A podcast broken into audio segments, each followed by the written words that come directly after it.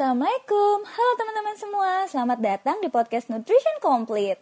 Podcast Nutrition Complete ini akan membahas seputar gizi. Buat teman-teman yang baru datang di podcast ini, saya ucapkan selamat datang.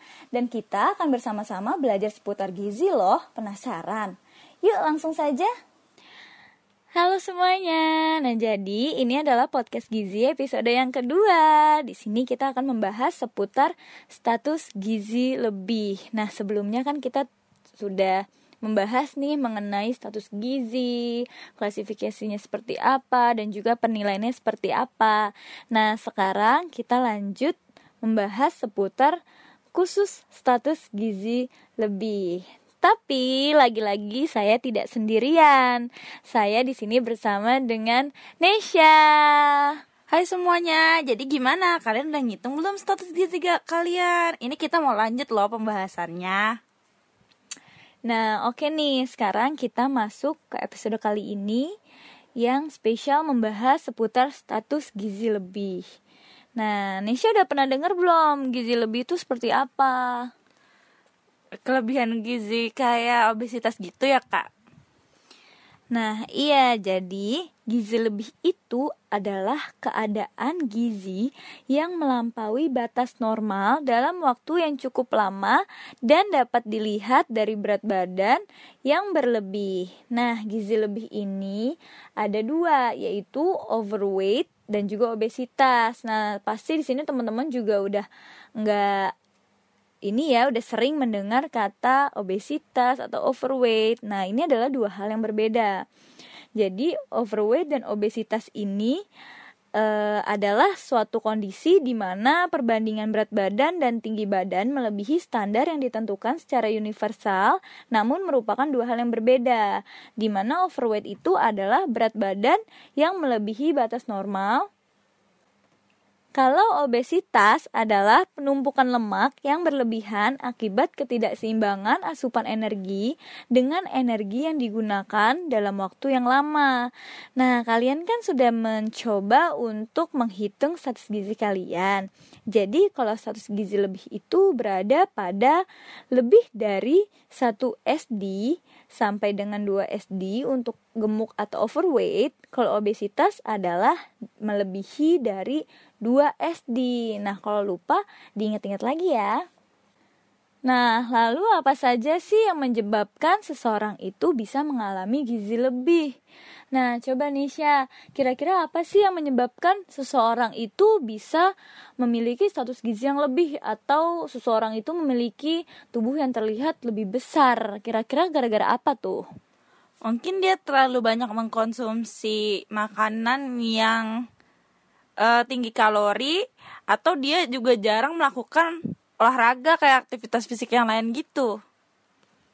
Nah, jadi faktor penyebab obesitasnya itu ada yang pertama benar dari pola makan seperti yang tadi Nesha bilang tentang konsumsi mengkonsumsi suatu kalori gitu ya. Jadi faktor penyebab obesitas yang pertama adalah pola makan. Nah, pola makan seperti apa? Pola makan seperti satu, menghindari makan pagi sehingga menambah porsi makan siang dan atau makan malam. Jadi bagi teman-teman yang tidak sarapan sebelum sekolah atau beraktivitas pagi membuat teman-teman makan siangnya dengan porsi yang lebih banyak dengan alasan soalnya tadi nggak makan pagi suka ngomong kayak gitu kan biasanya kalau makan siangnya banyak. Nah, tapi itu bukanlah pola makan yang baik karena itu adalah hal yang berbeda. Ketika makan sarapan atau makan pagi, makan siang dan juga makan malam itu adalah hal yang berbeda sehingga tidak boleh digabung atau direkap aja kena makan nanti siang jadi makan siangnya banyak karena nggak makan pagi nah itu bukan pola makan yang baik atau yang benar Lanjutnya, selanjutnya adalah makanan berlebihan atau porsinya besar. Nah, makan dalam porsi yang besar pada setiap makannya akan menyebabkan kita gemuk atau status gizi kita berlebih karena ketika kita makannya porsinya besar, tidak sesuai dengan kebutuhan tubuh kita, itu akan menyebabkan kita mengalami status gizi lebih juga. Selanjutnya adalah sering makan dan tidak teratur. Keseringan makan atau bahkan jarang makan juga bukan hal yang baik karena metabolisme tubuh selalu berjalan atau bekerja sehingga kalau makannya jarang atau bahkan terlalu sering dapat menyebabkan kerja organ-organ tubuh kelelahan sehingga organ jadi tidak sehat. Selanjutnya, sering ngemil atau kudapan. Sering mengkonsumsi jajanan atau ngemil juga dapat membuat seseorang memiliki gizi berlebih karena biasanya jajanan yang dijual atau jajanan yang kita makan hanya mengandung tinggi energi dan juga lemak, bukan mengandung gizi yang lengkap. Lalu selanjutnya adalah kurang makan sayur dan buah. Makan sayur dan buah juga penting karena mengandung vitamin dan juga mineral yang penting dalam menjaga tubuh kita agar tetap sehat. Jadi kalau tidak makan sayur, tubuh kita akan kekurangan vitamin dan mineral sehingga gampang kelelahan atau mudah sakit dan tidak seimbang jika kalian banyak ngemil tapi tidak makan sayur sehingga banyak banget e, energi yang masuk tetapi kurang asupan dari sayuran yaitu vitamin dan mineralnya kurang sehingga itu juga dapat menyebabkan kita memiliki sas gizi lebih. Selanjutnya, banyak mengkonsumsi makanan gorengan berlemak dan manis-manis. Pasti semuanya suka manis-manis kan, yang kayak gorengan, yang berlemak-berlemak dan juga manis-manis. Nah, Nisha sering gak nih jajan-jajanan yang gorengan atau yang manis-manis? Aku sih sering makan gorengan Terus sekarang kan emang lagi zamannya boba-boba gitu ya kak. Jadi aku sering minum yang manis-manis kayak gitu juga. Nah jadi itu juga uh, faktor penyebab e, mengalami status gizi lebih, yaitu dengan mengonsumsi makanan gorengan, berlemak, dan juga yang manis-manis. Karena mengandung banyak lemak dan gula juga tidak sehat, karena apabila dikonsumsi secara berlebihan, akan menumpuk di dalam tubuh kita sehingga menyebabkan gizi berlebih atau tubuh terlihat gemuk. Nah, itu adalah e, faktor penyebab seseorang bisa mengalami gizi lebih yaitu dari pola makan yang seperti tadi dijelaskan. Nah, lanjut yang kedua, faktor apa sih yang bisa menyebabkan seseorang mengalami status gizi lebih yaitu adalah kurangnya aktivitas fisik. Nah, aktivitas fisik itu apa nih, Syah? Aktivitas fisik tuh kayak olahraga gitu ya, Kak kayak misalkan jalan kaki juga lari turun naik tangga gitu kan nah iya jadi aktivitas fisik itu adalah gerakan fisik yang dilakukan sebagai salah satu bentuk pengeluaran energi. Aktivitas itu e, menyebabkan terjadinya proses pembakaran energi, sehingga semakin banyak energi yang terpakai. Contoh dari aktivitas fisik antara lain mencuci, menyapu, bermain sepak bola, badminton, basket, jalan kaki, naik tangga, dan sebagainya. Jadi, kegiatan kita di rumah sehari-hari pun termasuk kegiatan yang dikatakan aktivitas fisik, seperti kalian e, membantu ibu-ibu kalian dalam membersihkan rumah, itu juga termasuk aktivitas fisik loh. Nah, Nesya sering gak nih aktivitas fisik di rumah? Jarang sih kak, paling ya naik turun tangga aja. Terus nggak ada lagi selain itu? Ya olahraga, kalau olahraga di sekolah, terus jalan kaki, paling seperti itu aja. Nah, itu juga adalah salah satu aktivitas fisik.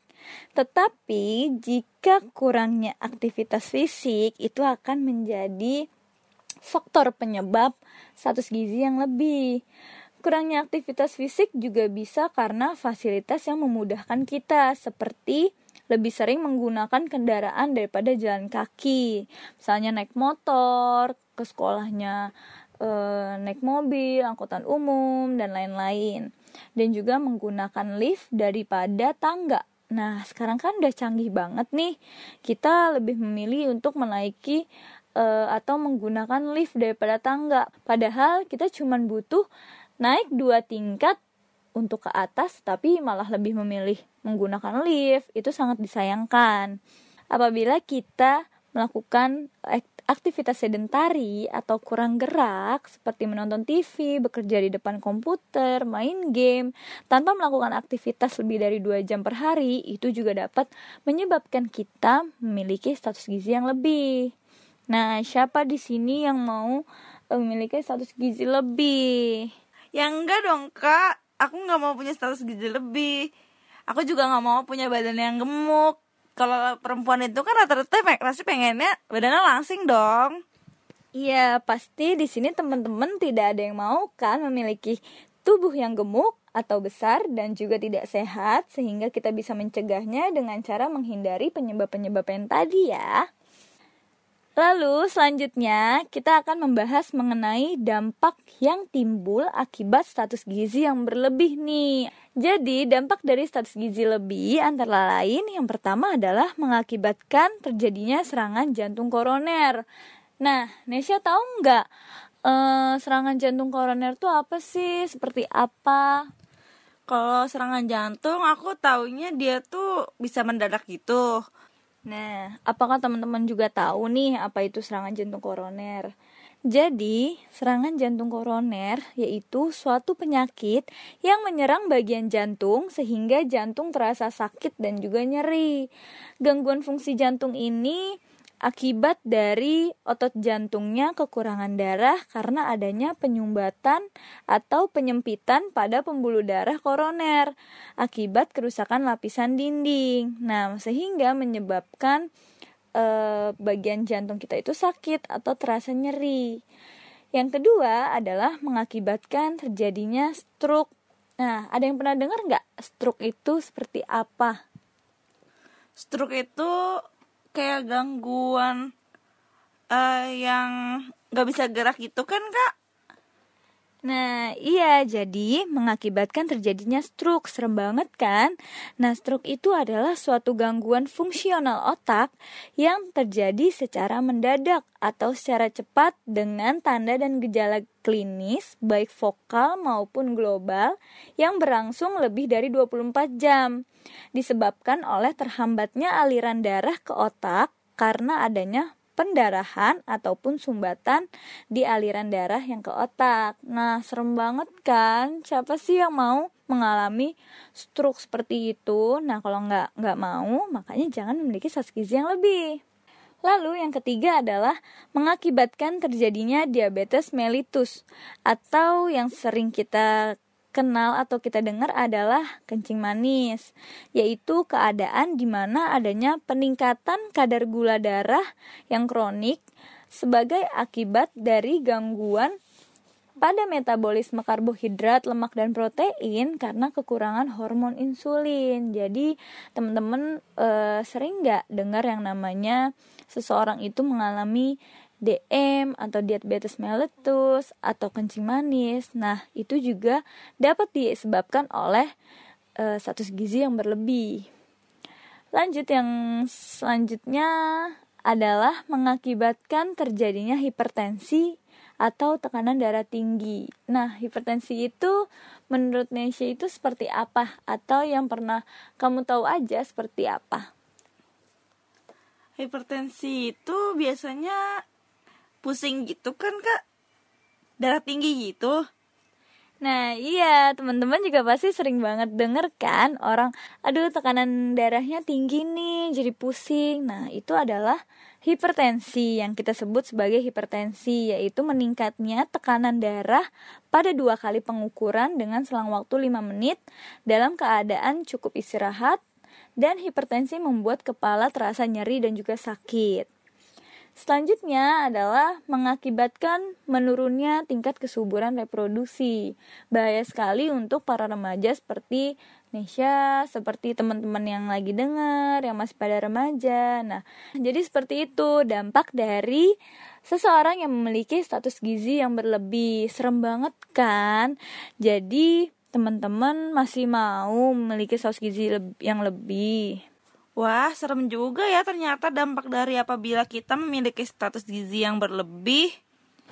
Iya, apakah kalian mau mengalami hal tersebut? Kalau tidak, hindari penyebabnya sebisa mungkin ya. Oke deh, kalau gitu cukup sampai di sini dulu podcast kali ini. Sampai bertemu di episode selanjutnya. Semangat dan stay healthy. Sampai jumpa. Assalamualaikum warahmatullahi wabarakatuh.